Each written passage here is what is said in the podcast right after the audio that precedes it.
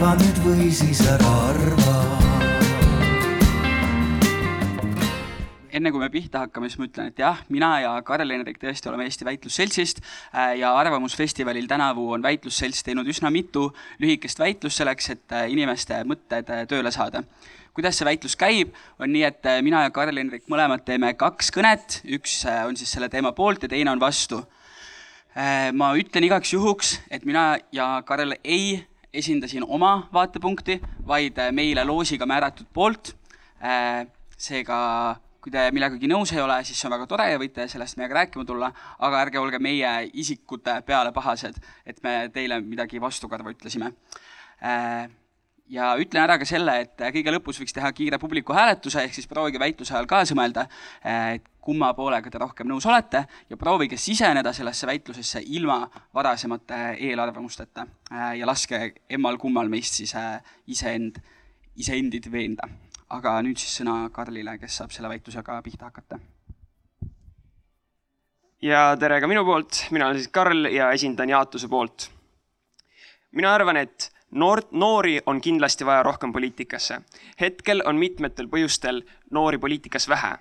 ma räägin teile, miks esiteks kolmel põhjusel noored oleks väga kasulikud poliitikas ja siis räägiksin, miks kvootide kasutamine on just see, mis selle tulemuseni kõige paremini viiks. esi-, kolm põhjust siis, miks noori on vaja poliitikasse. esiteks lihtne esindatus, hästi põhiline demokraatia printsiip, et inimeste mured ja probleemid peavad olema esindatud. Ma arvan, et noortel on väga erinevad igapäevamured, mis teistel inimestel võib-olla ei ole. näiteks noori võib-olla ei huvita nii palju, mis hetkene pensionifondide seis on, aga neid huvitab, milline on kõrghariduse tase või palju kõrgharidus maksab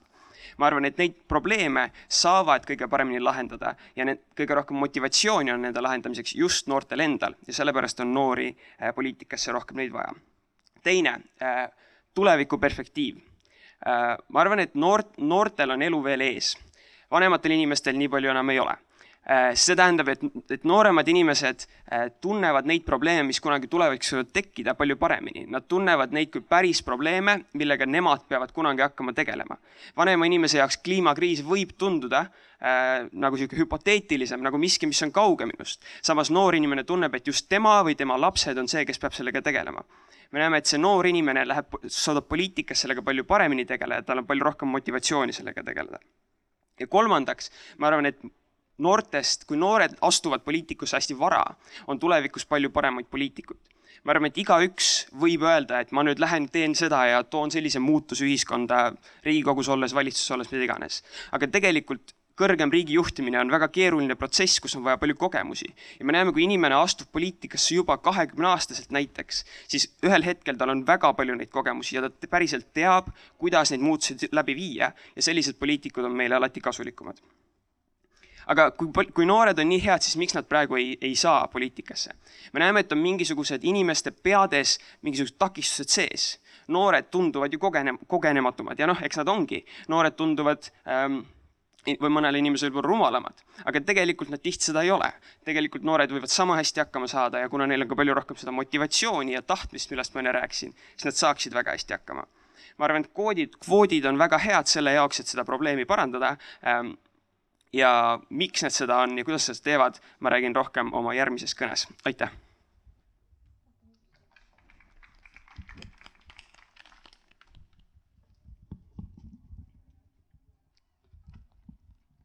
nii olles ise noor inimene, siis ma olen nõus sellega, et noored inimesed on väga lahedad. küll aga ma arvan, et kvoodid on vale viis, kuidas noorte esindatust poliitikas tõsta. ma alustan ühest kiirest ümberlükkest ja siis tutvustan oma argumente, kus ma räägin sellest, et kas probleem üldse päriselt on olemas ja teiseks räägin sellest, eh, miks kvoodid on halb viis, kuidas seda probleemi, kui see on olemas, lahendama hakata. kõigepealt eh, üks ümberlükke esindatuse kohta Äh, mina arvan, et esindatus on tõesti kasulik, küll aga ma arvan, et tegelikult jaotus äh, ei saavuta seda esindatust, mida nad tahavad. Kui nad kasutavad äh, kvoote ainult valimisnimekirjades, siis sellest ei piisa, sest et hetkel noored, nagu me aru saame, ei ole veel Riigikogus. see tähendab seda, et me peaksime kvoodi seadma sellele, kui palju üldse on noori inimesi Riigikogus, mis tähendab seda, et mõned inimesed kaotaksid oma koha, isegi kui nad on saanud selleks äh, piisavalt hääli probleem sellega ei ole mitte see, et keegi jääb kohast ilma, vaid peamine probleem on see, et me kunagi ei tea, mida üks noor inimene valib. me ei saa olla kindlad, et noored inimesed valivad ainult noori inimesi. kui oma kohast jääb ilma, ütleme, viiekümneaastane inimene, kes on kogunud hääli ka noortelt ja ta jääb parlamendist välja, siis esindatust on palju vähem, sest et see noor, kes hääletas viiekümneaastase inimese poolt, ei saa vastavat poliitikut, keda tema tahtis näha enda huve kaitsmas.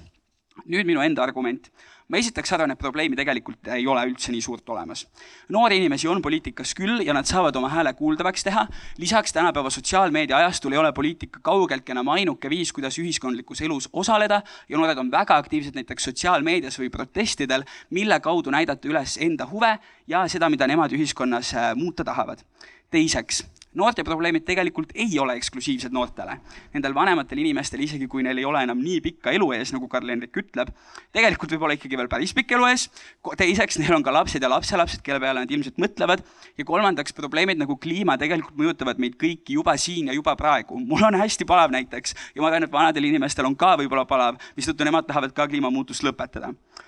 aga kolmandaks, ma arvan, et vanadel inimestel on ka ki, nagu kindel äh, kvaliteet selles, et neil on rohkem kogemust ja rohkem oskusi probleeme lahendada, äh, mis tegelikult aitab kaasa ja meil on hea, kui nad on poliitikas noorte inimeste huve esindamas.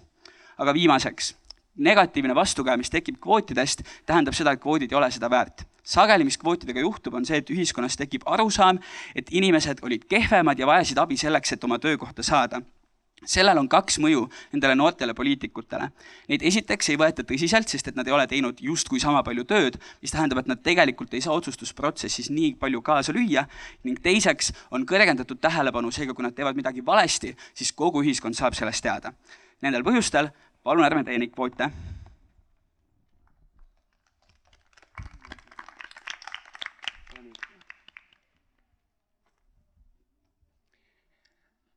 ma räägin teile siis natuke pikemalt, miks need kvoodid tegelikult ka väga hästi töötaksid. me näeme, et olukord on selline, kus poliitiku kuvand on väga selge. poliitik on, on vanem äh,, tihtipeale ka kahjuks mees, kes äh,, kes, kes on kaua olnud poliitikas ja, ja noh, on niisugune kogenud. me näeme, et seda kuvandit on vaja muuta ja me näeme just valimisnimekirjades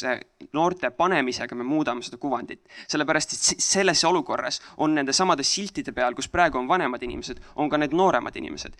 Markus ise ütles väga hästi, et nooremad inimesed on, poli-, on sotsiaalmeediast avaldavad oma arvamust. me arvame, et see on see, kus me tahaksime nii-öelda edasi liikuda, sest sotsiaalmeedias seda päris muutust ei tooda. päris muutu-, muutust tuuakse ikkagi päris poliitikas ja me näeme, et just kui valimisnimekirjas olles saab see kuvand muutuda ja noorte jaoks saab noor muutuda ka selliseks, kes tavalise inimese jaoks võib olla poliitik, kes võib olla see, kes päriselt muudatusi toob ja seega inimeste elust paremaks teeb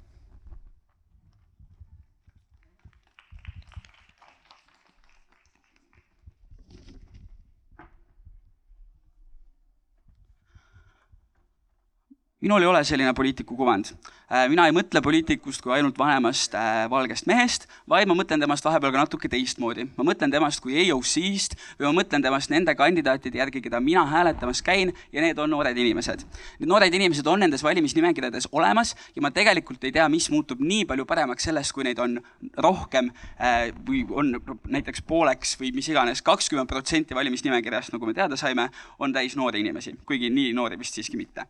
igatahes, ma arvan, et see poliitiku kuvand ei ole nii ühe ühemõtteline, nagu meile just öeldi, ja tegelikult isegi kui see on kunagi selline olnud, siis see on muutumas. ma arvan, et endiselt on tõsi see, et meil ei ole otsesest, otsest vajadust äh, nende kvootide järele, sest et see pro-, need probleemid, mida meile kirjeldati, ei ole tegelikult nii suured ning kvootidel on ka selgeid negatiivseid kahjusid äh,, mis tegelikult raskendavad nende noorte poliitikute edasist karjääri ja elu. kõigil nendel põhjustel äh, arvan siiski, et peaksite hääletama Eituse poolt, aitäh!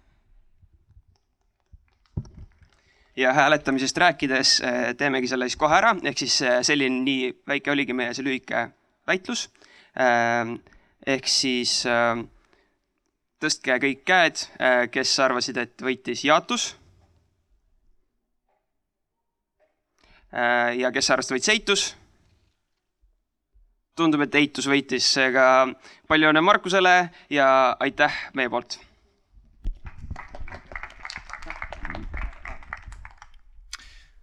Tänan väitlusseltsi inimesi, nüüd on meil võimalus noorte osaluse teemaga süvitsi edasi minna. Ja see põhimõte on selles, et tänapäeva infoühiskonnas noortel on aina rohkem võimalusi kaasa rääkida ja olla kaasatud. lõppkokkuvõttes jääb küsimus aga ikkagi selleks, et kuivõrd tähendusrikas see kaasatus on ja kas selle pinnalt siis päriselt ka midagi ära tehtaks. Ja veel enam, et mida teha siis tulevikus selleks, et see noorte kaasatus oleks tähendusrikkam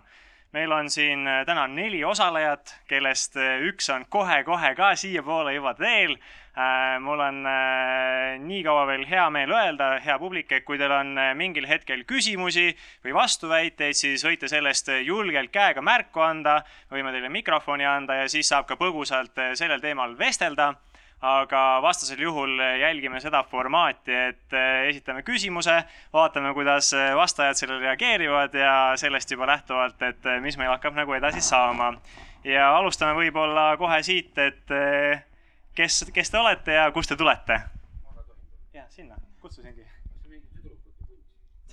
aga sa oledki tasakaalukaks esindajaks tere, minu nimi on äh, Triin Roos ja tulen sellisest organisatsioonist, nagu seda on Eesti Noorteühenduste Liit. ühendame endas erinevaid noorteühendusi ja arendame ka noorte osalust siis läbi äh, noortevolikogude, aktiivrühmadega, ka noortenõukogude, mis on äh, ministeeriumi juures ja, ja tegelikult ka laiemalt, et näiteks vaatame, et Eesti noorte hääl oleks ka Euroopas kuulda. tere, mina olen Alida Kristiine, tulen äh, Järva valla noortevolikogust ja olen niisama ka aktiivne noor. tere kõigile, kõigepealt aitäh kutse eest. ma olen Hanna-Gert Alamets ja tulen praegu siis esindajana Noorte Keskkonnanõukogust, mis toimib siis äh, Keskkonnaministeeriumi juures ja me oleme siis selliseks äh, nõuandvaks koguks ja tagasisideks äh, noorte hääleks Keskkonnaministeeriumi erinevatele dokumentidele ja ideedele. Mina olen ka noor, aga, aga kahjuks keskealine, valge ja, ja mees, katsuge andeks anda. Igal juhul anname andeks ja mida tegelikkuses tänase seltskond ka näitab, et inimesed on erinevatelt elualadelt ja erinevatelt etappidelt pärit. ma kujutan ette, et siit on võimalik seda tasakaalukast ka natukene leida, sellepärast et vastasel juhul kõik räägivad ainult ühte juttu ja see ei ole ka absoluutselt eesmärk esimene küsimus, mis aitaks seda võib-olla äh, sisse juhatada, oleks see, et äh, mis on teie jaoks üldse noorte osalus ja mis on teie kokkupuude selle noorte osalusega, nii ausalt kui võimalik? No oma igapäevases töös minu asi on ka mõnevõrra nii-öelda arendada Eestis neid osalusvõimalusi, aga kui ma vaatan seda võib-olla nagu laiemalt, siis üks asi võib olla jah, see, et noorte osalus on see, et sul ongi noored, nad saavad olla näiteks poliitikutega dialoogis, nad saavad anda tagasisidet erinevatele dokumentidele, aga ma arvan, selline kaugem perspektiiv või võib-olla pikas plaanis, mis on minu jaoks ka olulisem, on see, et me tegelikult ju tugevdame läbi selle demokraatiat. Üks viis demokraatiaks ongi jah see, et me käime iga nelja aasta tagant valimas, me valime sada, sada üks inimest Riigikokku, valime endale kohaliku volikogu, aga teine asi on see, et jah, meil on need esindajad, aga me oleme aktiivsed seal kaasas, me oskame kaasa rääkida ja meil on see nii-öelda nagu võimalus, sellepärast et me oleme nii väike riik ja me tegelikult ju näeme üldse, mis teeb, ma ei tea, populism näiteks ühiskonnas ja, ja kust tegelikult populism tuleb, on see, et mingid ühiskonna osad ähm, on jäänud kuidagi varju, neil ei ole võimalik olnud kaasa rääkida ja, ja sellest äh, mingil hetkel tulevad võib-olla nagu teised probleemid, aga kui me suudame kasvatada ühiskonda nii, et äh, meil noored teavad, et see ongi, nad saavad kaasa rääkida, nad julgevad ka seda vastutust võtta ja nad tunnevad, et see ongi meie riik ja ainult meie saame seda paremaks teha, et oodata, et äh, keegi teine kuskilt tuleks hakkaks midagi arendama. ma arvan, et ei ole see õige, et, et jah, et nii-öelda anda äh, noortele need võimalused, nad oskaks kaasa rääkida, neil oleks see võimalus ja kogu selline temaatika, hästi lühidalt öeldes. ja sinu kokkupuude seni, senise noorte osalusega, kas äh, noored on äh, hästi hakkama saamas, pigem mitte? No see hästi palju oleneb, et kui ma vaatan ka enda kokkupuudet, siis ma olin ka, ütleme, kuskil kümme aastat tagasi ka oma kohalikus omavalitsuses, tegime seal noortevolikogu, aga ma arvan, need võimalused, mis olid kümme aastat tagasi ja võib-olla ka see, kui palju seda käis haridussüsteemist läbi, oli natukene nagu teine, et ma arvan, et et see noorte osalus ei ole see, et sul on nüüd see asi valmis, see ongi see, et sa pead seda järjepidevalt nii-öelda nagu kasvatama ja arendama ja ma arvan, kui ma vaatan täna neid võimalusi, mis on, ütleme, sellistel koolinoortel, see on hoopis, hoopis teine tera kui siis, kui ma olin koolis, ma arvan, see on väga äge. hästi. Aliide, mis on sinu jaoks noorte osalus ja kokkupuude, kuidas sul on lood olnud? no noorte osalus on noorte osalus. Äh, noorte osalust on äh, mitmet moodi. Äh, kui me räägime poliitikast, siis meil on noortevolikogud, kus noored saavad kaasa rääkida, meil on lihtsalt noortekogud väga palju võimalusi on, kus noored saavad kaasa rääkida, minu jaoks ongi osalus see, kui noored saavad võtta millestki osa. hästi, Hanna? minu jaoks noorte osalus, kõigepealt see küsimus juba, aitäh selle küsimuse eest, aga see tundub võib-olla veidi üleliigne, et äh, noored on täpselt samasugune ühiskonna osa nagu kõik teised ühiskonnagrupid, vanusegrupid ja sotsiaalsed grupid, igasugused grupid. Et äh, noorte osalus selles mõttes võib, võiks olla või peaks olema vähemasti väga iseenesestmõistetav protsess ühiskonnas, et äh, nii nagu me kaasame igasuguseid teisi gruppe, me peaksime kaasata ka või peaksime kaasama ka noori ja varasem kokkupuude on mul olnud paar aastat esindades noorte huve ja üritades aru saada, mida üldse noored mõtlevad ja tahavad. et kas on üldse midagi ühtset, mida noored võivad arvata või, või tahta, et kõik on ju indiviidid ja kõik mõtlevad omamoodi. et kas, kas üldse saab kuidagi üldistusi teha mm? -hmm ja selle küsimuse laiem mõte ongi see, kuidas me seda näeme, sellepärast et seda defineerida on ju võimalik väga erinevalt, nagu ka õiglust, aga Jürgen, kas sinu jaoks on noorte osalus midagi muud, kas sa tunnetad seda teistmoodi? Ja kuidas sinul on kokkupuude noortega olnud siiamaani, kas on olnud tähendusrikas ja kuidas sa tunned? muidugi on mul teistmoodi, sest noh, esiteks ma olen äh, vanaisa. Ja mul ja see annab kohe äh, nagu ühe vastuse, et tegelikult need noored nii, nii ähm, eraldi Äh, elukad ei olegi, et see on ikkagi, ühiskond on suhteliselt läbi põimunud ja nendega suhtlemine loomulikult annab ta tagasisidet. Enda kohta ma ütleks, et mina ei osanud muidugi noorena niisugust küsimust küsidagi, et, et miks et, et miks mind ei kaasata või kas ja pigem noh, muidugi eks siis oli võim teine, mul siis ma oli, oli see kaasamine väga selgelt negatiivse märgiga ja ma mäletan, kuidas mul olid isegi äh, väikest vimma klassikaaslastega, kes pugesid äh, organisatsioonidesse, kuhu mina keeldusin minemast, aga, aga sellegipoolest ma ei ole kunagi arvanud, et keegi peaks äh, minu eest mind kättpidi kuhugi vedama. et see on täiesti uus asi, mina ei ole sellest puudust tundnud, mis ei tähenda, et ma ei äh, peaks siin igasugu noortevolikogusid ja selliseid asju kuidagi äh, Äh, kuidagi noh, nagu valeks asjaks, ei, need on äh, head algatused, head katsed. aga noh, selline laiem kogemus on ikkagi see, et äh, või, või selline elukogemus ütleb, et eks kõik saavad ühel hetkel aru, et mis, et elu teeb kogu aeg targemaks ja nagu, nagu vägisi tegelikult kellegi upitamine on mittevajalik. et see peab olema ikkagi suhteliselt selline noh, hariv, mitte, mitte kaasa tassiv ja ka noh, erakondades on ka seda kaasa tassimist nii, nii, nii soolist kui vanuselist väga palju, väga palju tegelikult ka diskrimineerimist, mis puudutab siis neid nimetatud keskealisi ja valgenahalisi mehi et pigem otsitaksegi äh, hästi püüdlikult noori äh, naisterahvaid, äh, et neil oleks rohkem ja nii edasi, huvi selle poliitika vastu ja tehakse neile pigem teed, et arvatakse, et nad on kuidagi tõrjutud, et noh, erakondade seisukohalt on see kindlasti pigem vastupidi. aga see ei tähenda, et neil oleks äh, noh, väga noorena otseselt pakkuda, et nad oleksid konkurentsivõimelised, nad on iga, see on igatahes selline positiivne diskrimineerimine, mitte selles, et et peaks olema vägisi kõik alustama poliitikast, poliitikaga väga vara. ja, ja selle varase alustamise kohta on minu kogemus jälle see, ütleb, et kes vara alustavad, põlevad ka ruttu läbi. et ikkagi poliitika, no see on, see puudutab ka igasugu spetsialiseerumist. see puudutab ka minu poolest sporti, et et kui ikkagi vala, väga varakult ala valida, siis ka vara lõpetatakse, et pikem see baasi ehitamine igas vaimses silmaringi mõttes on, on parem kui väga varajane enda poliitikuks mõtlemine ja, ja me noh, erakondadel on suured noortekogud, kuhu nagu aktiivsete inimeste saamine on suur pingutus. kui ma mõtlen nende, nende noorte nagu kasvamine, kes kuhugi on juba kasvanud, siis enamik on tegelikult äh, taandunud, sest nad näevad, et äh, see, mis nad on endale mõelnud äh, kiireks karjääriks, see võtab aega. see ei juhtu, tipp on, tipp on kitsam kui kui, kui, kui püramiidi põhi. Ja, ja, ja noh, positiivsest näitest ma ütleks ka, kes inimene, kes on justkui lo, loobunud, ma ütleks, et kõigist Eesti peaministritest on selgelt kõige rohkem valmis olnud peaministri ametiks, nii imelik kui see ka ei ole, on Taavi Rõivas. ta on olnud paremini valmis kui minu poolest Juhan Parts või, või, või Andrus Ansip rääkimata Jüri Ratasest või isegi Kaja Kallasest, et ta on, no tema on hästi vara alustanud, aga ta on alustanud sellise, kuidas öelda, sellised silmad lahti, silmad-kõrvad lahti hoiakuga, et ta ei pea kelleltki saama, aga ta kogu aeg talletab.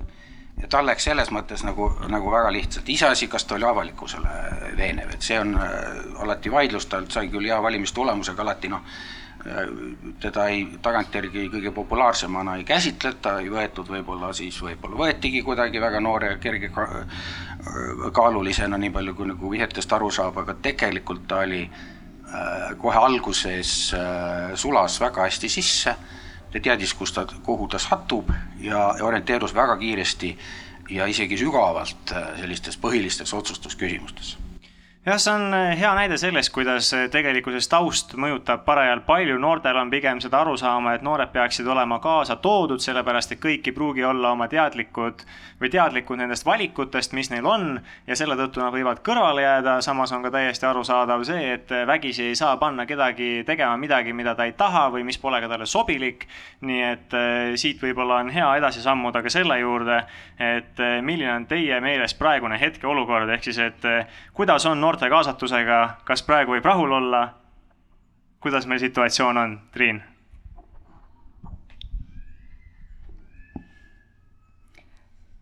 no ma ütleks, kui ma vaatangi võib-olla oma tööst Eesti Noorteühenduste Liidus, ma arvan, et tegelikult meil on täna, ma arvan, noortel väga head võimalused, aga alati saaks rohkem, et kui me täna vaatamegi, et meil on põhimõtteliselt eh, noorte osaluskogud eh, igas omavalitsuses, seal on puudu lihtsalt mingid väiksed saared, kus lihtsalt ei ole piisavalt noori, et seda kokku panna. meil on tegelikult riigi tasandil võimalik rääkida kaasa ministeeriumite juures, meil on neli noortenõukogu.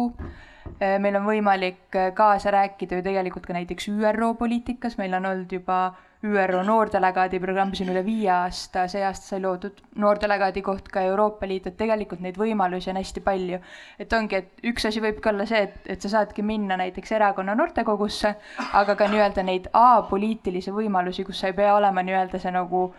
noorpoliitik, aga sa saad ikkagi nii-öelda nagu poliitikat teha, neid kindlasti on, aga alati võiks olla rohkem, alati võiks seda kaasamist olla eh, rohkem ja kvaliteetsemat, aga ma arvan, et seal ongi lihtsalt see, et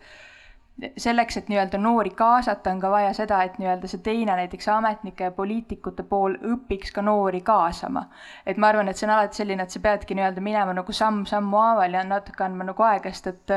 kui inimesed ei ole võib-olla ka harjunud noori kaasama, siis noh, seda tulebki õppida ma arvan, näiteks need noortenõukogud selles mõttes on ka võib-olla selline kõige parem näide, kuidas me ongi selline ministeeriumi ametnikele mõnes mõttes ka nagu õpetame ja me koos õpime seda, et kuidas teie saaksite paremini kaasata, kuidas meie saaksime paremini noorte arvamust avaldada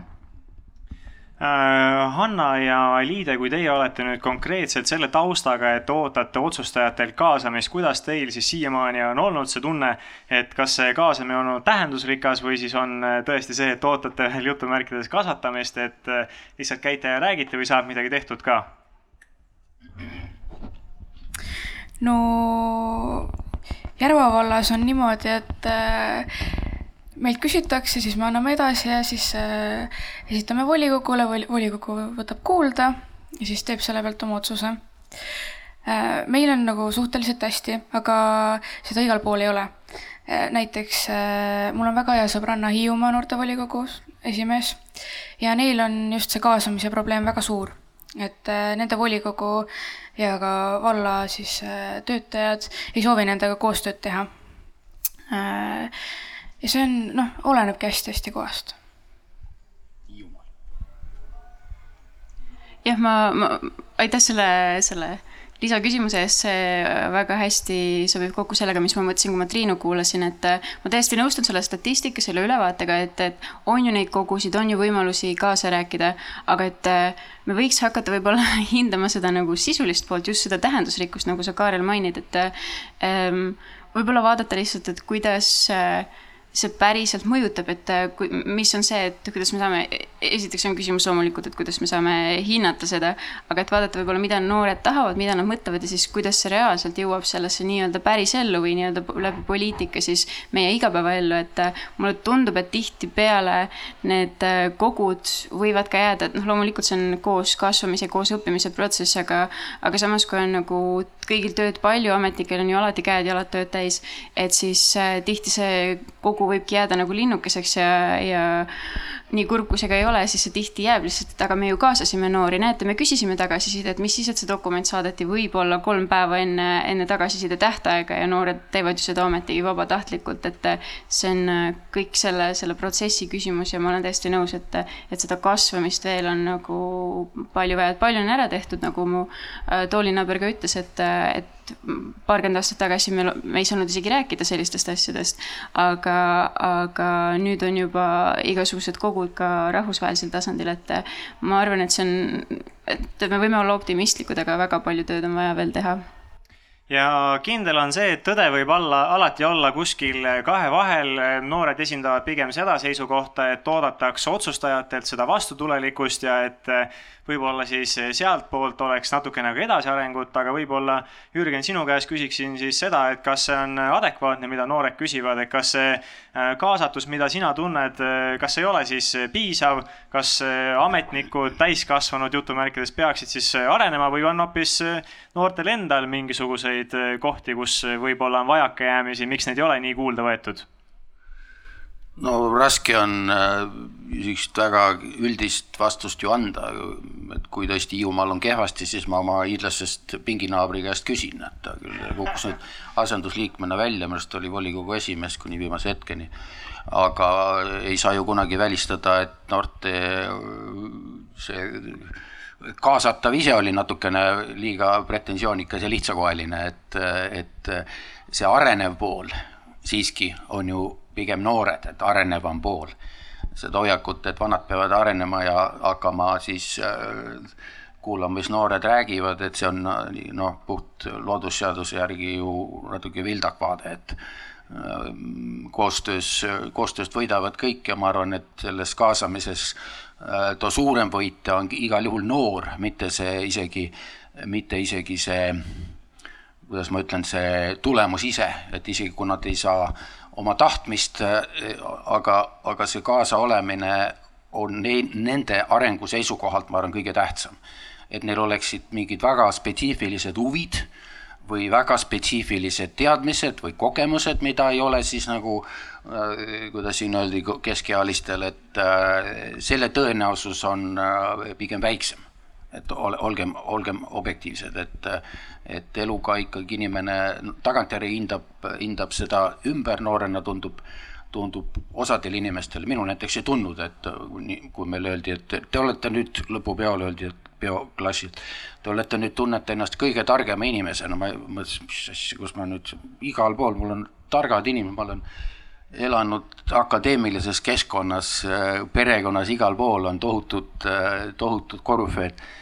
mina järsku kõige targem, pole vähegi tulnud, aga järelikult see ikkagi, see nooruses see hoiak on äh,. isegi kui ta on kõige targem, siis ta ei ole oma elu kõige targem, et elust saab tema ikkagi järjest targemaks, mitte, mitte tingimata need, see vanem seltskond, see vanem seltskond, talle tuleb juba tuttav ette see, mida noor enamasti avastab, enamasti on see tuttav. aitäh, Hanna! jah, aitäh, kui tohib, et arvamusfestivali sellist peamist eesmärki kuidagi esile tõstes ma tahaks väga arvamust avaldada, et isegi kui mulle väga meeldib see, see mõte, et koos kasvada ja koos areneda, et nii et mõlemad pooled saaksid õppida, siis ma arvan, et see on juba natukene samm liiga kaugel, et tegelikult on ju otsustajad need, kes võiksid ikkagi teha paar sammu noorte suunas, et äh, võtta arvesse kogu seda ühiskonda, nii nagu ma enne ütlesin, et noored on ju tegelikult ühiskonna väga aus ja oluline osa. nii et äh, võib-olla peaks ikkagi olema otsustajad need, kelle jaoks on oluline see, et, et noored oleksid kaasatud. Siis ütlen, et äh, siin ju, ju räägiti nendest noortevolikogustest, eks nad ei ole ju, ju mingi väga loomupärane asi, nad on ikka kunstlikult esile kutsutud selleks, et noori kaasa võtta ja see on vastutulek juba. see ei ole tõrjumise instrument, samamoodi Keskkonnaministeeriumi juures on mingi suur komisjon, eks ole, mis kliimateemadel kaasab, jällegi see on äh, noh, armastatakse öelda, et noortele nagu on see kliima eriti tähtis mina ütlen, et, et tegelikult teavad ju kliimateemast paremini eksperdid, mitte tingimata ealine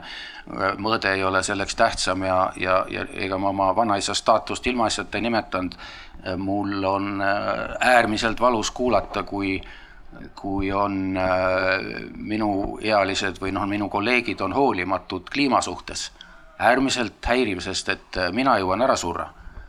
aga järeltulijad ei jõua, et ma mõtlen ikkagi elu järjepidevusele ja selles mõttes ei ole mingi isola-, ma ei ole mingi isoleeritud põlvkond, et uh, uskuge lihtsalt seda. Ja, ja kindlasti ei ole kedagi ära lükanud, noori, noortele luuakse ikkagi neid struktuure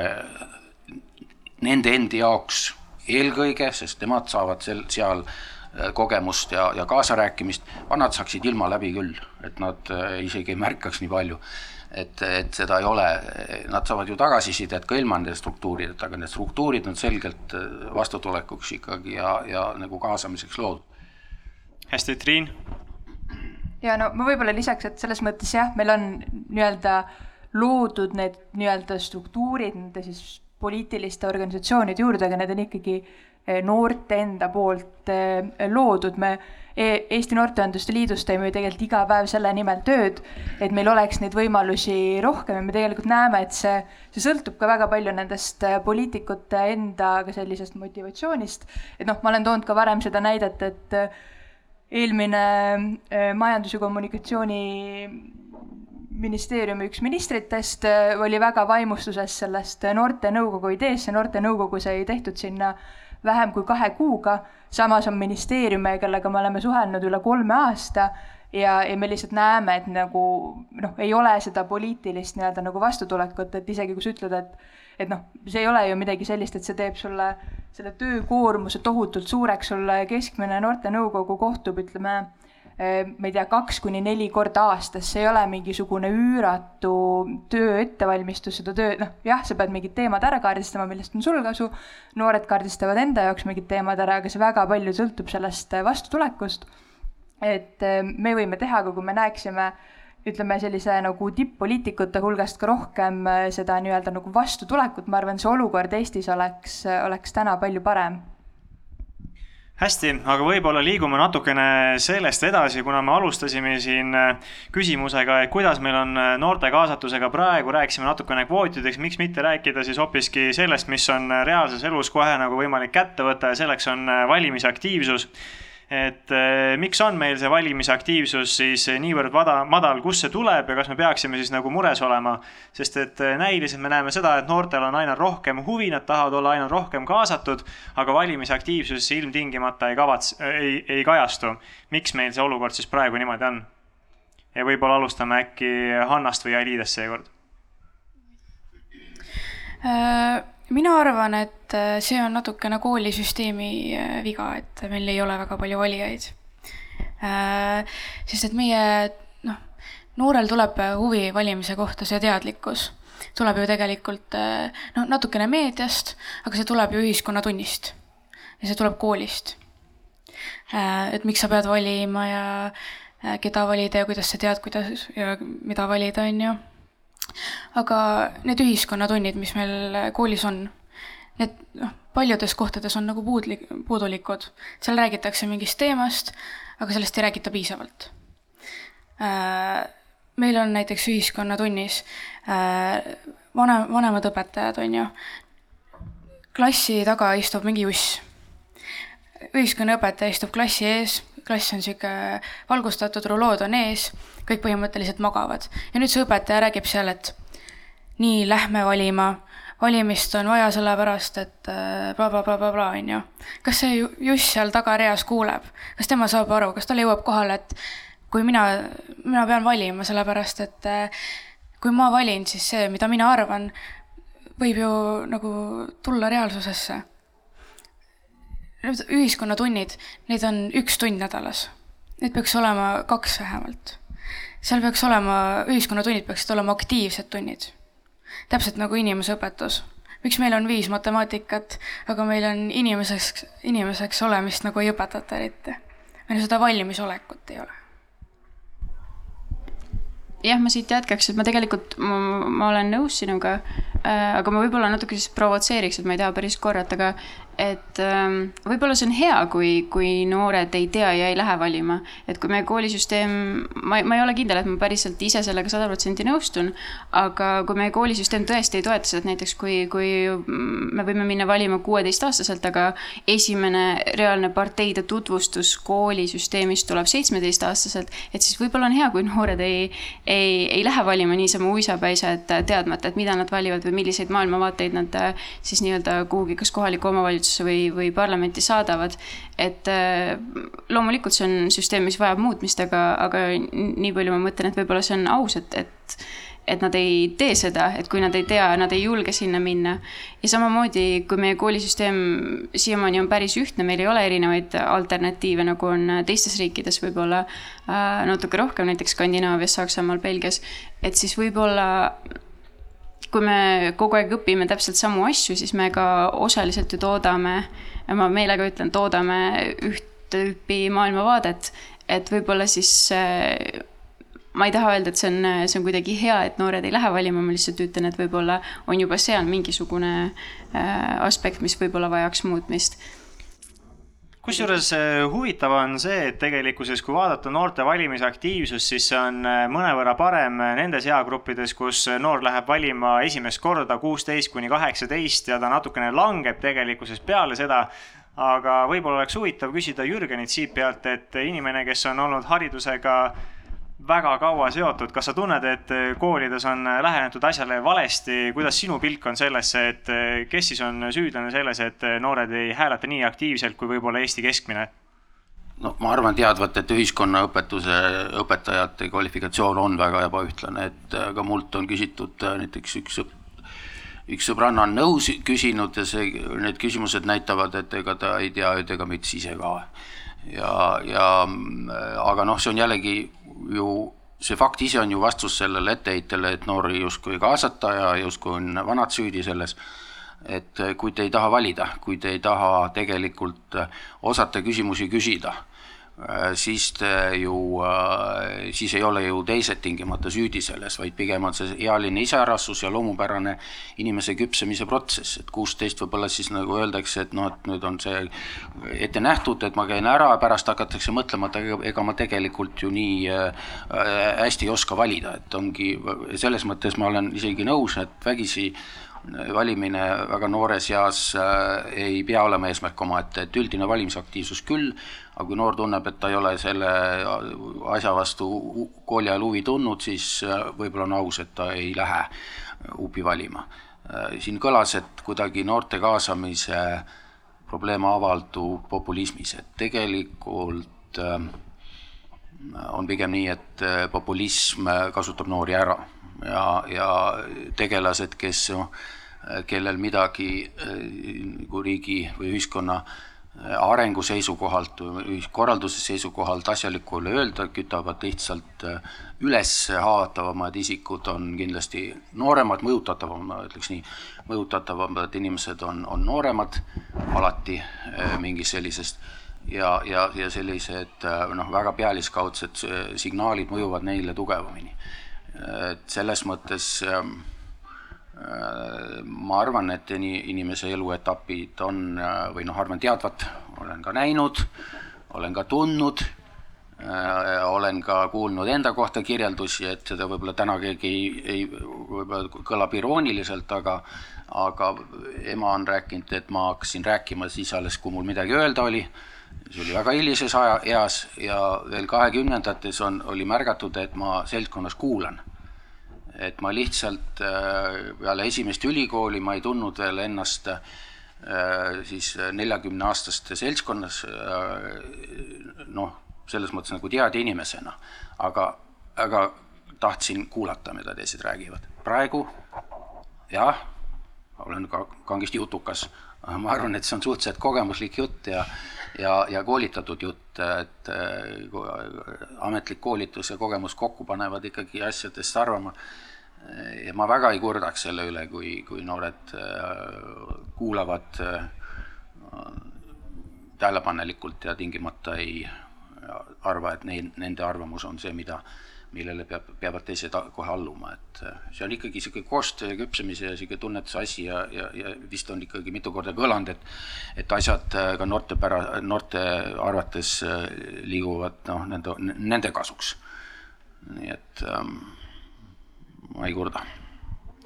Võib-olla küsiks Triinult sedajärgu siis kergelt provotseerima küsi-, provotseeriva küsimuse, et kas tegemist on siis riigi tegemata töö kehva ühiskonnatunniga, ealise isepärasusega, et võib-olla ei peagi valima või teadlik arusaam, et ma ei tahagi minna. on tõde mingisuguses selles teemas või hoopis kuskil mujal? ma ühe et... detaili lisaks juurde, et, et vot, et, et minu arust ühiskonnaõpetused, õpetajad peaksid, laps, noh, õpilased peaksid ise seda ettepanekut tegema. kutsuge päriselt ka poliitikuid, kellel on midagi öelda, kutsuge nad, neil on see selles mõttes katsumus, et nad teavad, et publik ei ole, ei ole avatud reeglina, aga, aga neil on ka vaja ennast tutvustada, et see on selles mõttes nende huvi, aga ne, nad tihti teavad, paljud neist ikkagi ühiskonna, ühiskonnaõpetuse õpetajatest elu paremini, oskavad uudiseid panna äh, täpsemasse raami ja, ja, ja, ja, ja tahtsin ka seda tagasisidet öelda, et, et ega tegelikult see on nagu selline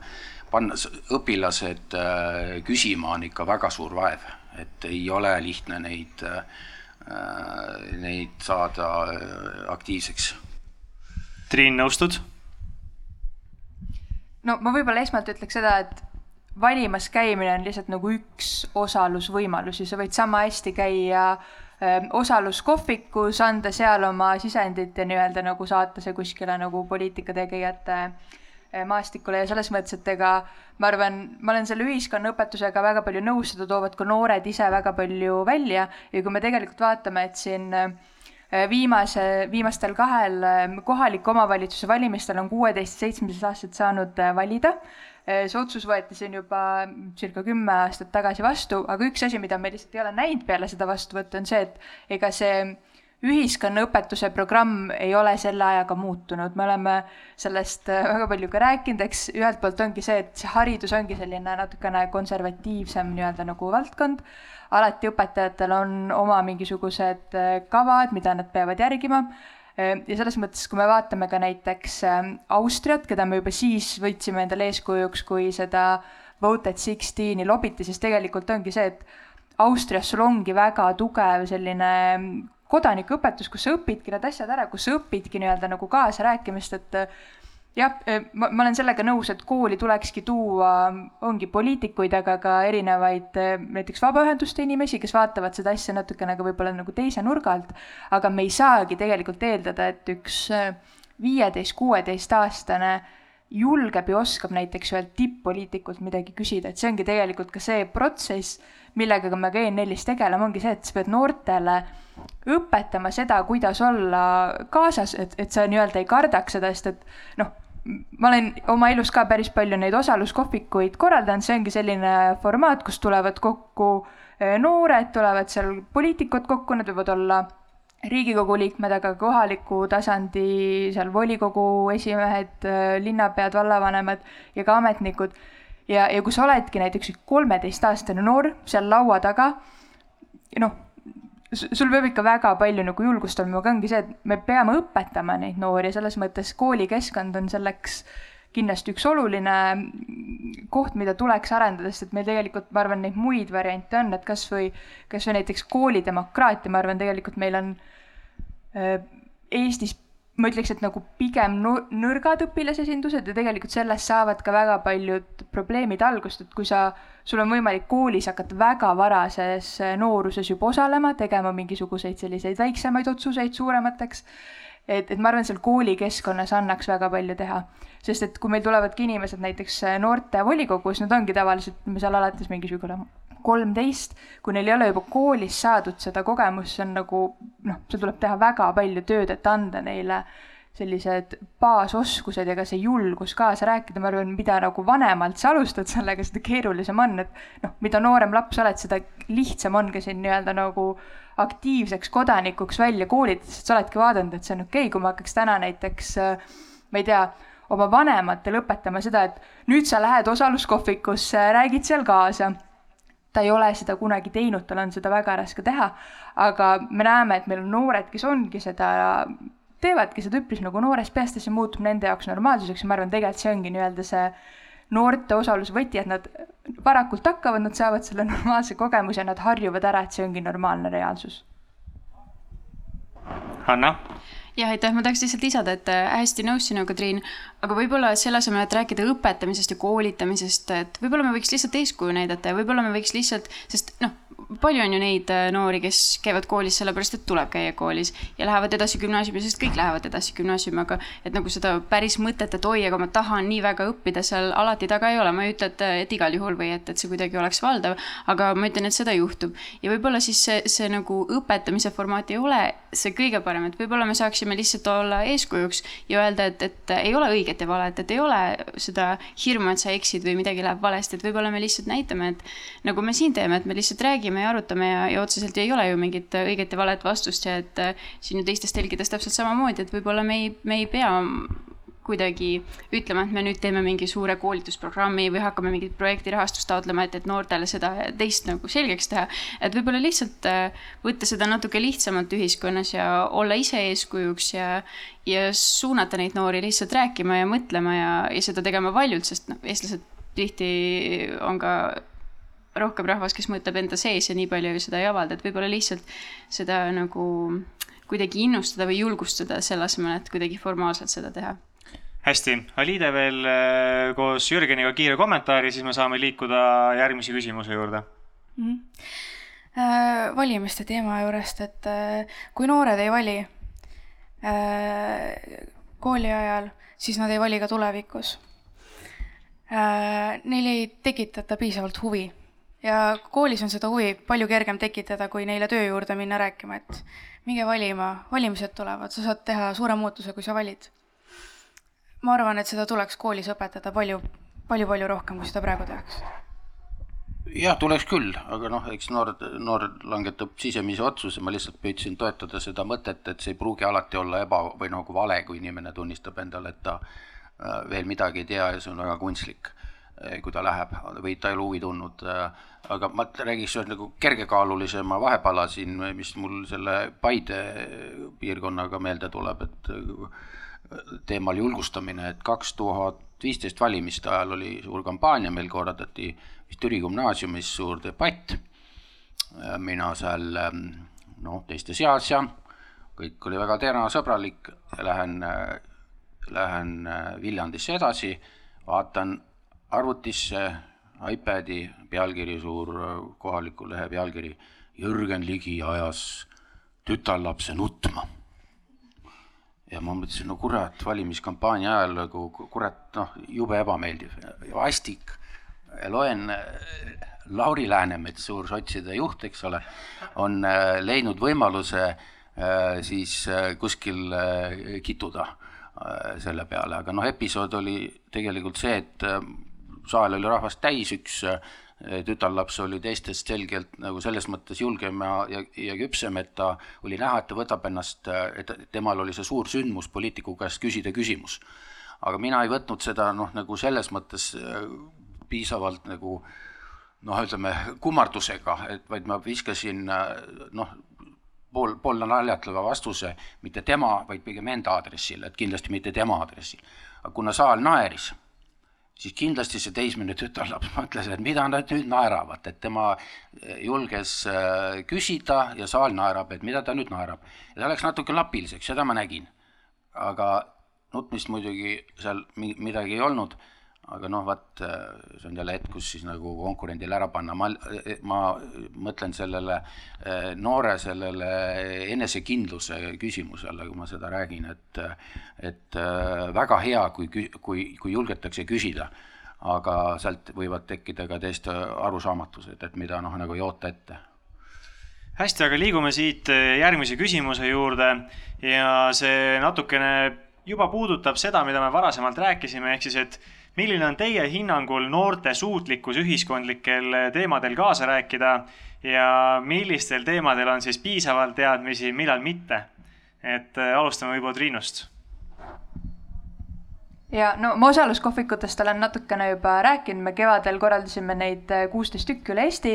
ja selle põhjalt äh, panime siis nii-öelda paika sellise noorte ootuste platvormi Riigikogu valimisteks. ja me tegelikult nägime seal ära, et noored ikkagi noh, suudavad ja tahavad tegelikult kaasa rääkida üpris nagu kõikidel äh, teemadel, aga ma arvan, mis ongi, ütleme noorte jaoks sellised kõige olulisemad. Ähm, ja ma arvan, noh, kus nad kõige rohkem seda sisu andsid, ongi näiteks keskkond ja, ja samamoodi, mis puudutab haridust, olgu selleks nii üldharidus kui ka siis kõrgharidus. noored, kas teil on siitpoolt midagi lisada? ma võib-olla siis äh, jah, nõustun eelkõnelejaga loomulikult ähm,. mulle tundub, et, et see sõltub hästi teemast ja et noored on nagu selles mõttes äh, kuidagi heas mõttes mõjutatav äh, seltskond, et äh, praegu on ju näha, kuidas, äh, kui kliimateemad muutuvad internetis populaarsemaks, hakatakse mis iganes materjali tootma nendel teemadel, siis noored hakkavad ka rohkem arvamust avaldama. et selles mõttes need teemad, milles noored on kompetentsed või vähemasti millest nad on huvitatud, ütleme siis pigem niipidi, et need ju pidevalt muutuvad, need on väga dünaamilised ja need on selles mõttes, heas mõttes dünaamilised, et,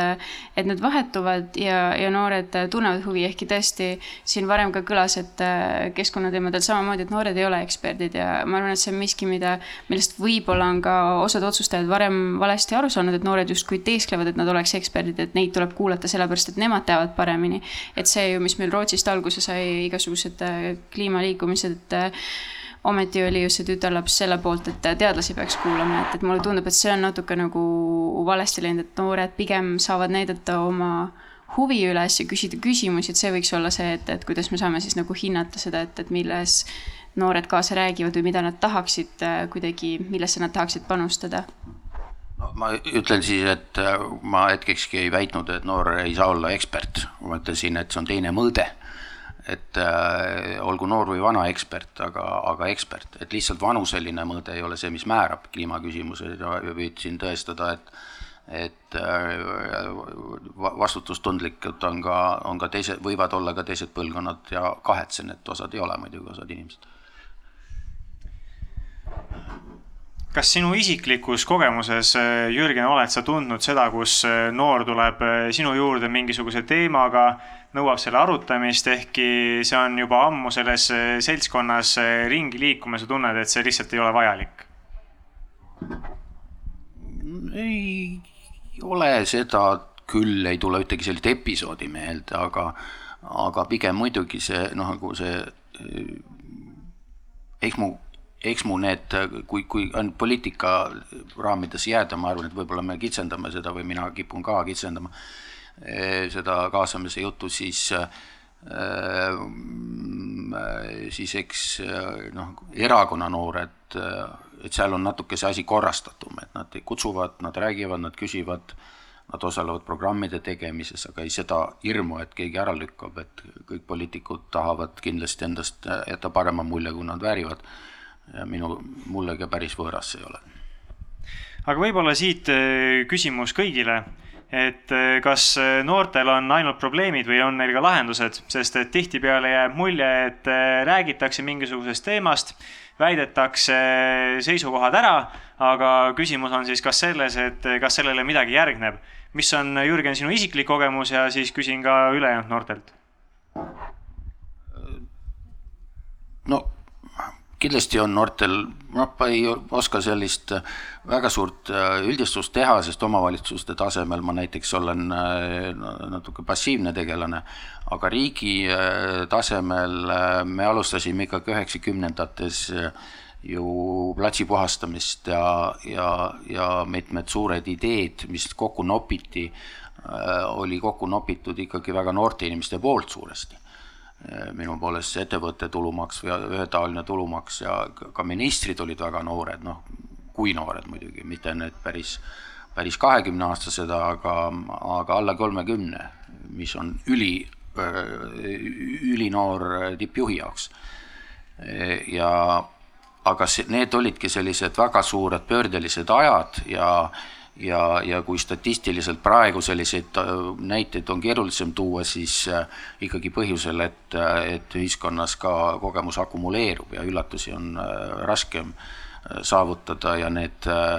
nüüd ma provotseerin, aga ühiskond on rohkem peenhäälestamise teema, ma ei ole seda ei mina ega Taavi Rõivas mõelnud seda näidet välja, aga, aga need otsused on pigem väiksemat sorti seni olnud. Äh, kliima on suur erand muidugi, et äh, täiesti, äh, täiesti peab kohe vahele ütlema, aga üldjoontes riigikorralduse põhitõed on nii palju paigas, et, et, et suuri revolutsioonilisi leiutisi ei ole tegelikult vaja, et enamik nendest leiutistest on on äh, ikkagi rumalus, et äh, tulevad rumaluse pinnalt, ma ei ütle siin, see ei ole ealine, vaid see on äh, üldiselt erakondade kõike seda, kui programme kokku pannakse, siis ikkagi kohutavat jama keeratakse kokku, mis ei kannata nagu analüütilist käsitlust välja. et visatakse ka noh, vist ma loodan enamikus erakondades, aga aga meie erakond loobib küll lõpu, lõpus neid, seda ideekorjet välja tohutult ja, ja lihtsalt kõik see on juba olnud ja kõik see on juba nagu äh, nagu, vastused on juba teada, et aga see, eh, noortel on selles mõttes nagu natuke keerulisem ka kui oli üheksakümnendatel. aga jah, kliima on väga-väga suur erinevus ja minu jaoks, eh, minu jaoks kaks suurt asja, üks on eh, eestikeelne haridus ja, ja siis kliima, need on sellised revolutsioonilised asjad, kus, kus noortel sellise nagu rongi peale astumine on, on hoopis lihtsam aga Hanna, näiteks sina, kuidas sa tunned, kas, eh, kui oled teinud noortega koostööd, kas sa tunned, et sealt tulevad ainult probleemid, need asjad on valesti, tehke meie eest korda, otsustajad ei aita või on seal ka mingisugused konkreetsed lahendused, et okei okay,, jah, me näeme siin probleemi, aga nüüd hakkame ära tegema ja teeme seda selliselt. kuidas sa näed seda? No esiteks, kuna ma olen ise olnud, ma olen siis nii-öelda veel selles äh, Euroopa või Eesti selles noorte vahemikus, ehk siis mulle tundub, et kõik, mis mina juba olen teinud, on juba nagu noore lahenduse no,, noore, noor inimene, kes leiab lahenduse. et, ähm, et selles mõttes ma loomulikult ei saa öelda, et noored ainult probleeme välja tooks. teisest küljest ma mõtlen, et milleks üldse polariseerida seda niimoodi, et äh, see ei ole ju iseenesest midagi halba, kui, kui üks noor inimene on piisavalt kriitilise meelega, et ta suudab probleeme välja tuua, et see ei tähenda ju ometigi seda, et äh, kui me toome probleeme välja, et siis me ainult äh, kurdame või viriseme või noh, mis iganes äh, sõna sinna võib asetada. et ma arvan, et, et see on ju isegi hea asi, et, et noored toovad välja ja oskavad seda sõnadesse panna, mis neile täpselt ei sobi. ja tihti noh, küsid minu kogemuse kohta, siis mulle tundub, et see nagu peamine või see, mis nagu esimesena alati noorte poolt tuleb, on see, et aga miks meil ei ole nii, et, et pigem on just see, et hakatakse võrdlema, et noh, kuna meil on globaliseeruv maailm, siis, siis meil on väga lihtne leida neid, neid võrdluspunkte ja neid just pidepunkte, et, et kuidas ennast ka orienteeruda, et okei okay,, mina Eesti noorena asun siin, aga vot näiteks Belgias on täpselt teistmoodi. et ja siis tulebki see küsimus, et aga miks meie ei tee nii, et see on, see tundub kuidagi nagu loomuliku protsessina, et, et alati ei ole ju, et näed, et oh, mul on kuidagi ebamugav aga ma ei tea, kuidas seda muuta, ikka nagu inimene ju hakkab mõtlema, et aga miks ma ei võiks olla, et kui mul on külm, et ah oh,, mul võiks ju olla soojem, et miks mul ei ole soojem. et ma arvan, et need nagu väiksed lahenduse otsad juba, juba loomulikult tulevad nendest probleemidest välja, et võib-olla jah, ei ole seda nii-öelda nagu äh, kaheks jaotamist äh, tingimata vaja, aga loomulikult ma arvan, et, et äh, otsustajate jah, või, või siis nii-öelda nende, kes, kes noori esindavad, et nende ülesanne on ikkagi see lahendus leida, et noortele jumala eest ei peaks panema seda vastutust, et kümneaastane, kui ta suud-, on nii piisavalt tubli, et ta suudab oma probleemi sõnastada, ütleb, et, et talle näiteks ei meeldi, et enam äh, talvel lund ei saja või, või kuskil on üleujutused ja kellegi maja ära uhutakse, et, et siis äh, me ei peaks panema talle seda vastutust ju, et, et aga leia nüüd lahendus sellele või et tööta nüüd mingi dokument välja ja hakkame nüüd mingit kava selle järgi koostama, et, et ma arvan, et see on, see on väga hea algus juba, kui noored oskavad probleeme välja tuua Aliide, kuidas sina näed seda, kas ainult probleemide väljatoomisest piisab või peaks seal olema ikkagi konkreetsed lahendused ka taga? no lahendus on igale asjale. Äh, aga ma arvan, et see lahendus ei peaks tulema mitte ühelt poolt, vaid mõlemalt poolt. Äh, lahenduses võiksid olla kaasatud kõik, ükskõik kui vanad nad on. ja no esiteks kui me tahame teada, et kas noored siis toovad välja probleeme või lahendusi, sõltub ju sellest, mida sa küsid, et noh, ükskõik kellelt sa küsid, et no räägi, mis on sellel viga või nagu, mis on lappes, no sa toodki välja need probleemid. aga ma arvan, seal ongi alati see, et jah, sa saad aru, mis see probleem on, aga sa pead alati küsima ka selle küsimuse, et okei okay,, aga mis on see nagu lahendus, kes saab seda lahendada, et seesama noortooduste platvorm, millest ma rääkisin seal on nii-öelda iga peatüki alla muidugi sissejuhatus, et anda selles teemas ülevaade, kus tulevad ka mingid probleemid välja, aga nii-öelda terves ülejäänud teema ongi see, et noored toovadki välja need lahendused, eh, mis võiksid ühiskonnas nii-öelda olla, et see elu oleks siis eh, parem. ja kuna see nii-öelda see globaliseerumise teema tuli ka, siis noh, ma arvan, see on ka nagu üks viis, mida ka näiteks mina oma töös jälgin väga palju, ongi see, et et meil olekski võimalik saata neid noori välismaale, olgu selleks, et ta on noordelegaat, osaleb mõnel rahvusvahelisel sündmusel, see, et ta käib ja näeb neid teisi inimesi, ta kuuleb, kuidas nendel asjad käivad, sellepärast et sul ongi vahepeal vaja ideid, et aa, kuule, et neil on näiteks selline osalusvõimalus, teeme ka. et näiteks, kus meil tuligi see Euroopa Liidu noor delegaat, oligi see, et ma olin ka Soomes kohtumisel soomlaste, taanlastega, neil on selline positsioon olemas, mõtlesime, et okei okay,, nagu miks meil ei ole, meil on kõik vahendid tegelikult olemas, et see asi luua, davai, teeme ära. et selles mõttes ma arvan, noh, ühelt poolt ongi vaja sellist veits nagu kriitilist mõtlemist ka, et sa vaatadki maailmas ringi, mis on ja mida nii-öelda saaks Eesti süsteemi tuua aga ilmselgelt äh, igasuguse sellise konstruktiivse arutelu noh, edukus sõltubki selles, et, et sa ei saa olla ainult see, et see on jama, see on jama, te lahendage ära, aga ma arvan, tänased Eesti noored, kui sa oskad neilt normaalselt seda küsida, neil on neid lahendusi, neil on väga palju lahendusi, ma arvan, lihtsalt äh, poliitikud ei jõua nii kiiresti neid asju ära nagu lahendada, kui noored suudavad neid asju toota. no kuna ma vist natuke pean siin vaidlust tekitama, et, et erinen mõningate tunnuste poolest, siis ma ütleks, et see on väga ohtlik vaade, et, et probleemidest ei tohi ilma lahendusteta rääkida, et see on üks viis, kuidas inimestel suud kinni panna, mul on, kohe tuleb oma äh, erakonnas meelde üks korvpalli nime ei hakka nimetama, kes ütleb, kui talle ei meeldi, et keegi kirjeldab, ma ise ei ole seda tüüpi, kes probleeme äh, Äh, kirjeldab, aga ma lihtsalt äh, üld äh, noh, jätab nagu arutamata, mina räägin alati koos, see on professionaalsuse küsimus, kogemuse küsimus, et niisama vinguda ei ole mõtet, aga poliitilised päevakorrad ikka kokkuvõttes koostatakse ikkagi ju probleemide järgi, et alles siis hakatakse lahenduste, saab tegeleda, kui prof-, probleem on enam-vähem defineeritud ja, ja, ja ei pea olema see, kes selle, kes oma, kes selle üle kurdab, see lahenduse pakkuja, et see on äh, suu sulgemise meetod äh, praktilises elus. teine asi muidugi, noh, mis poliitilises päevakorras jälle on, et ähm, äh, kui ma siin nimetasin, et enamik suuri ideid on lollus, mida erakonnad välja pakuvad ja ma jään sinna juurde, siis need on defineeritud ikkagi kui, kui lahendused, millele alles otsitakse probleemi sest et nad on mingid atraktiivsed asjad, mida välja hõigata, mis inimestele meeldivad, aga kui sa hakkad küsima, et mis probleemi sa siis sellega lahendad, siis see on üks meetod, kuidas lolle, lolle mõtteid, äh, mõtteid siis tõrjuda, et äh, väga tavaline asi on lahendused, millele ei ole tegelikult probleemi ma arvan, et see on väga hea punkt, et äh, ka kaamerate taga, kes on inimesed, et alati ei pea olema see, et sul on kohe pakkuda täispakett ja see ei tähenda seda, et peab olema vait ja kuskil nurgas ootama oma järjekorda aga ma usun, et me hakkame vaikselt äh, liikuma ka siin äh, lõpupoole ja võib-olla küsin siis äh, sellise küsimuse, et kui teie vaatate otsustajate poole või otsustaja vaatab teie poole, mis on kummalgi poolel nagu vajaka, mida te näete, et mida peaksid võib-olla otsustajad tegema teie jaoks, kuidas nemad saaksid teid aidata, mida peaks muutma, versus mida peaksid noored nüüd ise tegema selleks, et nende elu läheks jutumärkides paremaks ühe asja ma ütlen vahele, et, et eelmise asja kohta, et ähm, see, see muidugi ei ole ka tõsi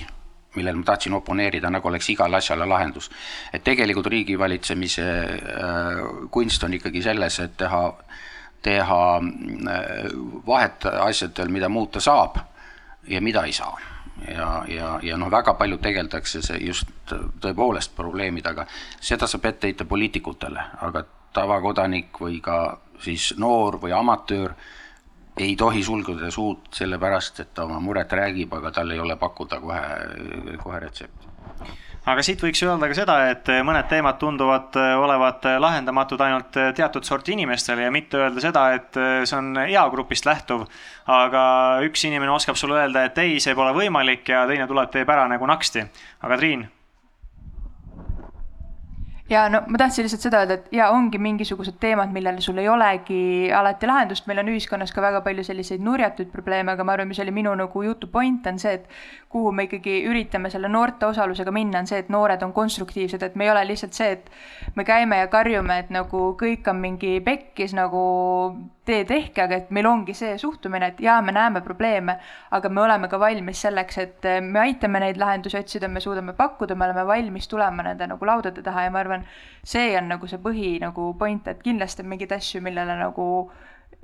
võib-olla ei olegi lahendusi, aga lihtsalt, et su mõttemaailm on see, et okei okay,, et ärme ole probleemidele orienteeritud, vaid orienteerime ka sellele, et nagu mida on võimalik teha. et see nii-öelda nagu mõttemaailm, sul saab olla seda mitmet moodi, aga ma arvan, see, et sa oledki nagu produktiivne ja, ja sa lahe, nagu panedki oma fookus sinna, et otsime neid lahendusi, lahendame ära, mitte lihtsalt see, et äh, vingume väga hästi, aga kui nüüd tõesti liikuda selle poole, et eh, võib-olla nimetada paar põhilist asja, et mida teie siis eh, oma kogemusest näete, et mida põhiliselt teie ootate otsustajalt, et, et mida on see, mida siis on võimalik päriselt ära teha, kuhu suunas liikuda. kas teil on selliseid mõtteid või ootuseid? No mina ootan äh, otsustajatelt, et nad äh, kaasaksid ja et nad mäletaksid meid. et meil Järva vallas on olnud äh, probleeme sellega, et noh, mina enne noortevolikogu istungit saadan neile, et kas teil on midagi meile noh, päevakorda panna, et mida me saaksime, kas me, mingi volikogu otsus, milles me saaksime olla kaasatud nende poolt tagasisidet ei tule ja siis äh, saame kokku ja siis äh, nad ütlevad meile, et oi, et, et me nagu unustasime ära, et teilt saab küsida. et mina ootaksin seda, et te ikkagi mäletaksid, et me oleme olemas. Hanna? mina mõtlen kuidagi laiemalt selle peale, et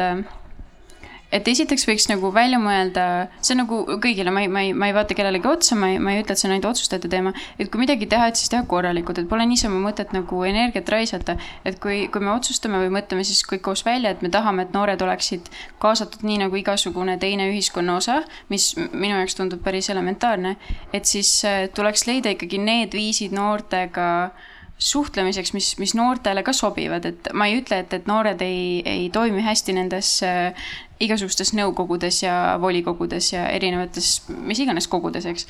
Äh, mulle lihtsalt tundub, et võib-olla see ei ole kõige, noorele kõige sobilikum viis, et noh, kui kujutad ette, et, et läheb üks noor mingisuguse suure ümmarguse laua taha, kus on äh, noh, võtame siis keskealise mehe, kes on siis nii-öelda täna siin kõlanud justkui keskmine poliitik meil, et siis äh, kas on ikkagi nii nagu jällegi juba kõlanud näited, et äh, kas tal on seda julgust, kas tal on julgust päriselt midagi öelda, et võib-olla me peaksime seda formaati muutma, et võib-olla me ei pea tegema noortest selliseid pisikesi diplomaate, kes siis äh, peavad justkui samamoodi endale ülikonna selga panema ja oskama suurte sõnadega rääkida ja, ja kõiki, kõikidest dokumentidest aru saama ja neid detailideni kuidagi mõtestama enda jaoks, et, et ametnikud ju ka alati ei, ei saa kõigest aru ja küsivad ja suhtlevad ja see on pigem kuidagi selline sõbralikum ja mitte nii formaalne tegevus. et kui me tahame kaasata, siis me peaksime ikkagi ju mõtlema, et kuidas,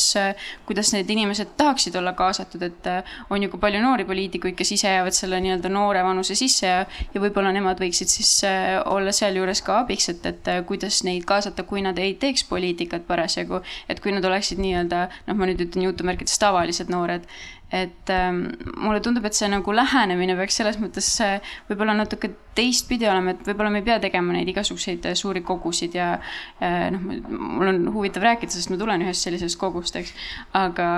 noh, võib-olla see ei ole alati kõige efektiivsem, et äh, siin on nagu palju, palju sealtpoolt edasi minna minu arvates. Triin, kas sul on veel noortevaldkonna eeskõnelejana selliseid mõttevälgatusi, et mida sina ootad otsustajatelt? Ma arvan, üks sõna on avatus, et ollagi nii-öelda nagu valmis, et tule kuula ära, proovi eh, neid erinevaid nagu vaata, et nagu jah, ole lihtsalt nendele ideedele avatud, et ei ole vaja hakata blokeerima, et, et pigem proovida kui mitte ja Jürgen, kuidas sina tunned, millised on need teemad, kus eh, noored peaksid võib-olla veel natukene mõtlema, mida nemad saaksid teha teisiti, kuidas nemad saaksid teha paremini sinu silmis?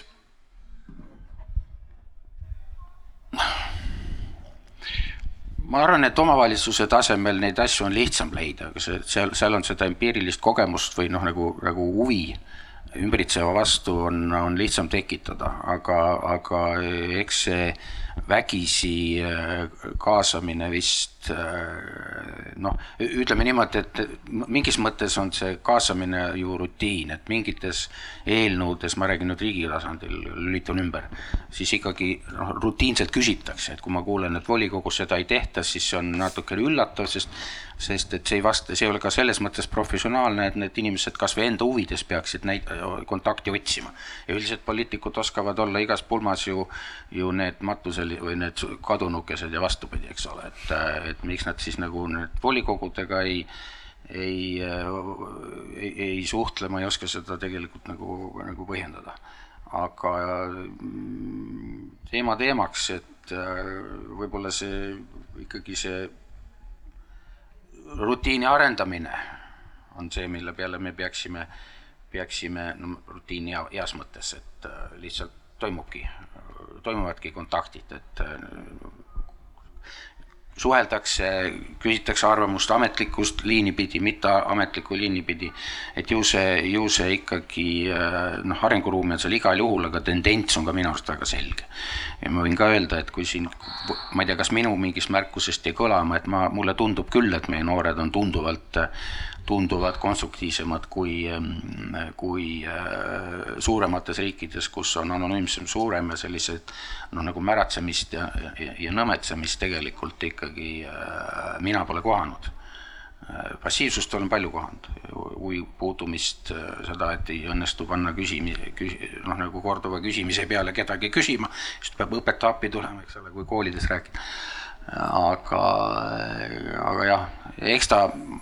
ma arvan, et tendents on, on, on arusaadav, aga teiselt poolt, eks see demograafiline kell järele liigub teises suunas, et valijate hulgas vanemaealised, vanemaealised, nende osa suureneb ja, ja ega siis muidu ei tule järjekordset pakkumist siin hommikustes uudistes, et kui suur see järgmine pension peab olema, et ütlemata, kes seda siis nagu maksma hakkavad, et kus need, kus need tööealised on ja kui pensionäride arv kogu aeg kasvab. tuhat eurot, et te teaksite, hakkate nelja aasta pärast saama. eelmine kord oli kaheksasada jah, mul üks asi veel äh, on südamel, mille väga tahaks ära öelda, et kui ma enne rääkisin nagu rohkem vormist ja sellest, et, et äh, võib-olla ei pea siis niimoodi ülikondades kohtuma, et võib natuke sõbralikumas keskkonnas kohtud, et siis tegelikult on ka ju küsimus selles, et, et mida üldse küsida. et äh, me ei pea ju igas valdkonnas, nii nagu me varem siin arutasime, et me ei pea igas valdkonnas ju küsima noorte arvamust, et näiteks äh, noh, kui ma võin enda, enda siis te, tegevusest tuua näite, et kui, kui Eestis, Eesti pool siis sai valmis oma vaate sellisest dokumendist nagu Fit for fifty five, et siis kas noored peavad sellele enam tagasisidet andma lihtsalt sellepärast, et olla kaasatud, et võib-olla see ei ole nagu täpselt see koht, et kus me saame öelda, et, et nüüd me tegime hästi, nüüd me kaasasime kõiki noori. et see ei ole nagu noh, minu enda hinnangul see võib-olla ei ole nüüd see kõige olulisem asi, et võib-olla me võiks küsida noortelt, et kui me hakkame mingisuguseid parke ümber kujundama, et kas te tahate, et teil oleks rohkem toole, paneme näiteks kotttoolid sinna, tahate kotttoole. või, või et kas te tahate mingisuguseid ähm, tõukerattaga sõitmise võimalusi, et äkki on nagu need kohad natuke rohkem need, mida noored äh, need, milles noored võiksid tahta kaasa rääkida, milles nad teaksid ja milles nad saaksid ka harjutada seda, et nad oma arvamust avaldavad ja, ja julgeksid seda teha, et ma ma ei, ma ei taha väita kindlasti, et, et noored ei võiks rääkida kaasa kliimateemadel ja, ja anda tagasisidet samadele dokumentidele, millele eksperdid annavad tagasisidet. aga lihtsalt võib-olla me võiksime natuke rohkem valida seda, et, et kus me neid noori siis rakendame, et, et kõik noored, kes tegutsevad volikogudes ja, või vähemasti valdav enamus neist, nad on ju ometigi vabatahtlikult seal ja, ja selle asemel, et teha oma koduseid töid või käia mingites huviringides, see on ju veel lisategevus. Et mulle tundub, et kellegi jaoks on ju ometigi töö ja et võib-olla nemad võiksid siis jällegi neid samme ettepoole astuda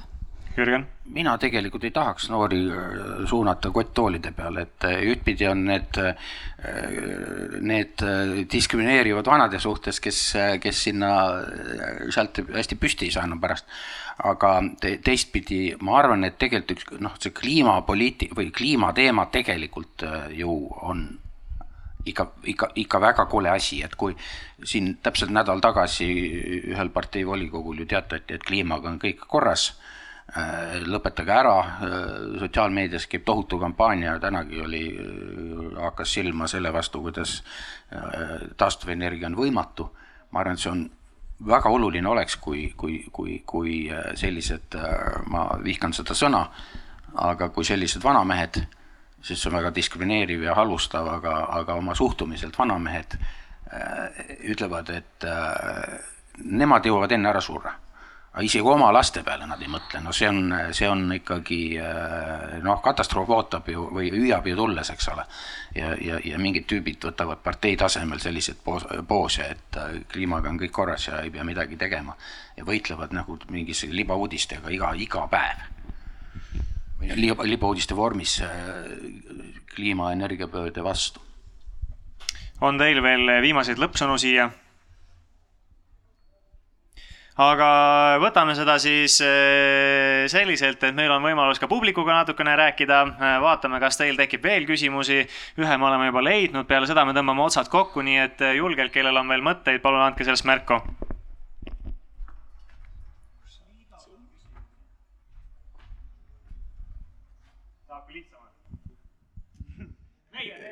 jah, ma tahtsingi juhtida tähelepanu, et Sliidus on hästi palju küsimusi tekkinud, aga ju siis on arutelu juht selle ära unustanud.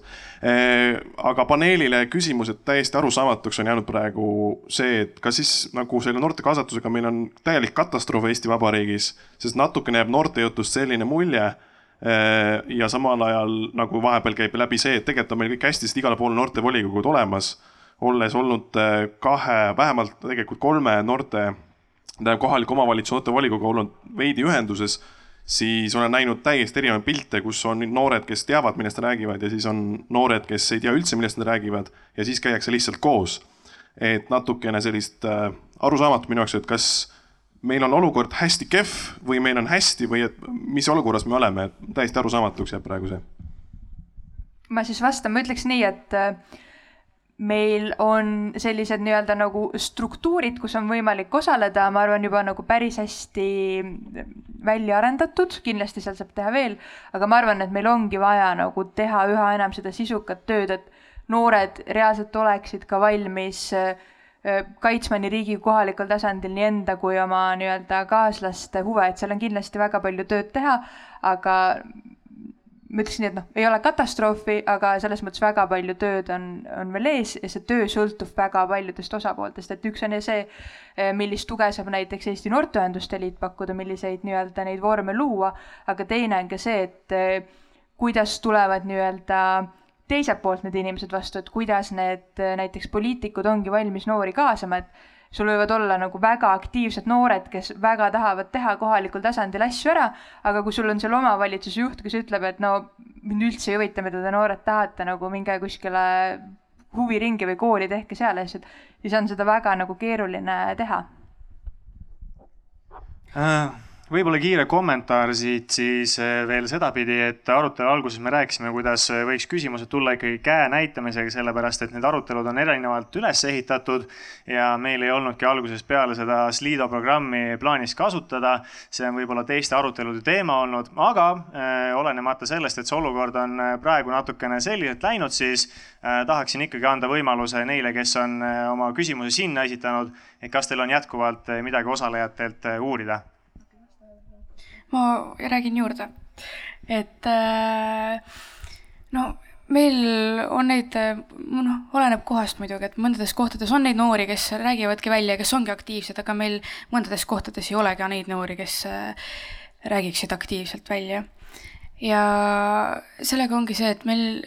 ei ole noortele nagu, need ei ole nii kohusetundlikud võib-olla. Mis ongi nagu noortekogu ja noortevolikogu vahe ongi see, et noortekogus sa oled nagu noh, nagu omal käel, on ju, aga noortevolikogus sa oled nagu volitatud noortevolikokku.